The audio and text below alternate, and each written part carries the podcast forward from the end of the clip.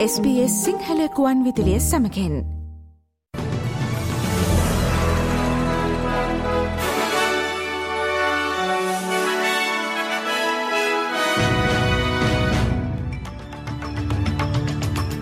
අද ඔක්තුම්බර මස දාහතු වනදා SBS සිංහල සේවේ ප්‍රෘතිගෙනන මම දිනීශා දිල්රුක්ෂී විජයසූරිය. ගසතීරයේ සිටින ඔස්ට්‍රේලයානුවන් හතලිස් පස් දෙනෙකු නැවත මෙරටට ගෙන්වා ගැනීමට රජය අමතා ඇති බව නියෝජ්‍යාගමැති රිචිට් මාල්ස් පවසයි. හමස් සටන්කාමීන් සහ ඊශ්‍රයිල් හමුදාතර ගැටුමට මෙම ඔස්ට්‍රේලයානුවන් හසු වී තිබේ. දැනට ඔස්ට්‍රේලයානුවන් හතලිස් පස් දෙනා සිටින්නේ කොහිදැයි ඔස්ට්‍රේලියාව තවමත් තහවුරු කරගෙන නොමැති බව නියෝජාගමැති රිචඩ් මාල්ස් අනාවරණය කොට සිටියේ. I mean, obviously opening um, some kind of corridor which would allow people to leave Gaza would be um, a massive step forward. It would, it would provide the, the key answer um, for those Australians who are in this situation, but clearly there are many, many more people who are caught up in this as well. හමාසටන්කාමී කණ්ඩායම ඊශ්‍රයිලට එල්ල කළ ප්‍රහාර හෙලාතකීමට ඔස්ට්‍රලයානු පාර්ලිමේන්තුව පියවරගෙන තිබේ. අග්‍රාමාත්‍ය Anthony Albanese පහළ මන්ත්‍රී මණ්ඩලයට මේ පිළිබඳව වන යෝජනාවක් ඉදිරිපත් කොට තිබේ. පාර්ලිමේන්තුව ඊශ්‍රායිලයට සහ යුදෙව් ප්‍රජාවට පූර්ණ සහයෝගේ ප්‍රකාශ කළ යුතු බව ඔහු පවසයි. එපමණක් නොව හමස් සංවිධානය විසින් ඊශ්‍රායලයට එල්ල කරන ප්‍රහාර පහළ මන්ත්‍රී මණ්ඩලය නිසකවම හෙලාදකිය යුතු බවද ඇල්බනීසි මහතා පවසයි. එසේම හමා සංවිධානය සාමය අපේක්ෂා කරන පලස්තීනුවන්ටද තර්ජනයක් බව අගමැති ඇන්තනි ඇල්බනීසි පවසා සිටියේ. Let us be clear. Hamas is an enemy, but not just of Israel. Hamas is an enemy of all peace loving Palestinian people who are left to pay a devastating price for this terrorism. Hamas honours no faith, it serves no cause but terror. It is no better than any other group in history that has clung to the twisted belief that victory can be built on the blood of the innocent. අගමැතිවරයාගේ මෙම යෝජනාවට දැනටමත් විපක්ෂයේද සහයෝගය ලැබී තිබේ. ගාසාතීරයේ විපතට පත් වූවනට ආධාර ලබාදීම සඳහා සටන් විරාමයක් ඇතිකිරීමට ගත් අන්තර්ජාතික රාජ්‍යතාන්ත්‍රික උත්සාහ අසාර්ථක වී තිබේ. ඊශ්‍රායිලය ලෙබනනයට ආසන්න තම දේශ සීමාවේ පිහිටි ගම්මානවල වැසියන්ට ඉන් ඉවත්වන ලෙසට නියෝග කොට තිබේ. මෙය යුද්ධය නව මාවතකට පැතිරයා හැකි බවට බියක් ඇතිව තිබේ.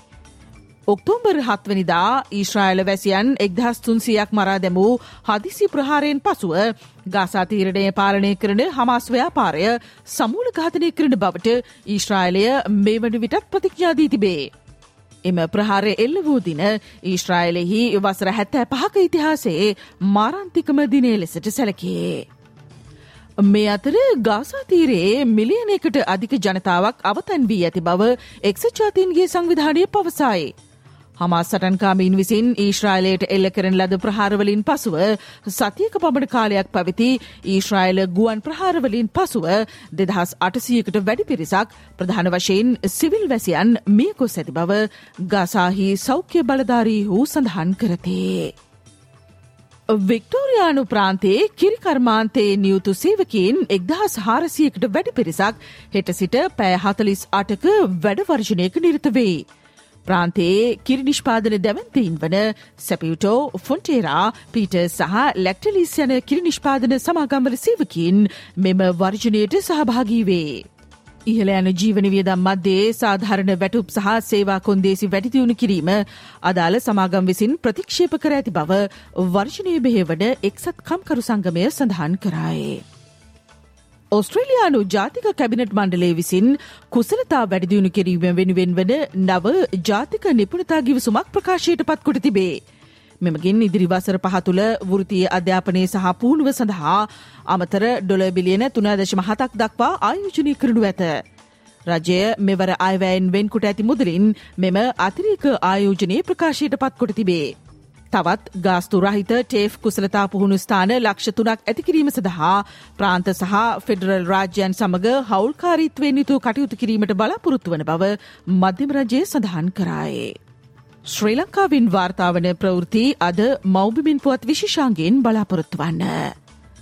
ලෝකකුසලාන එක්දින ක්‍රිකට් තරඟාවලියේ ඊයේ පැවති ශ්‍රී ලංකා ඔස්ට්‍රේලයා තරගය කඩ්ලු පහකින් ජයකිරීමට ඔස්ට්‍රේලියාව සමත් විය. කාසිවාසිය දිනා මුලින්ම පන්දුවට පහරදුන් ශ්‍රී ලංකා පිළ ශක්තිමත් ආරම්භයක් ලබාගත් අතර එහිදී පැතුම් නිසංක ලකුණු හැට එකක් සහ කුසල් පෙරේරා ලකුණු හැත්තෑ අටක් ලබාගත්හ. ලකුණු දෙසිය දහයක ජයග්‍රහහි ඉලක්කේ හඹාගිය ඔස්ට්‍රේලයා කණ්ඩායම පන්දුවාර තිස් පහයි පන්දු දෙකකදී ලකුණු දෙසිය පහළවක් රැස් කරමින් ජයග්‍රහණය හිමිකරගත්හ. මිචෙල් මාර්ෂ් ලකුණු පනස් දෙකයි ජොස් ඉංගලිස් ලකුණු පනස් අටයි. පන්දුයැවීමේදී ඩිල්ෂාන් මදුශංක ඔස්ට්‍රේලයානු පිළෙහි ප්‍රබල කඩලු තුනක් දවා ගැනීමට සමත් වූයේය.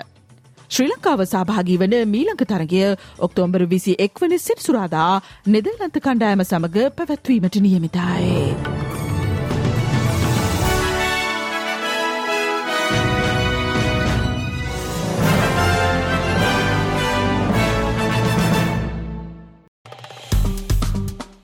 ලයි කරන්න ෂයා කරන්න අදහස් ප්‍රකාශ කරන්න SBS සිංහල ෆස්බුක් පිටුව ෆලෝ කරන්න.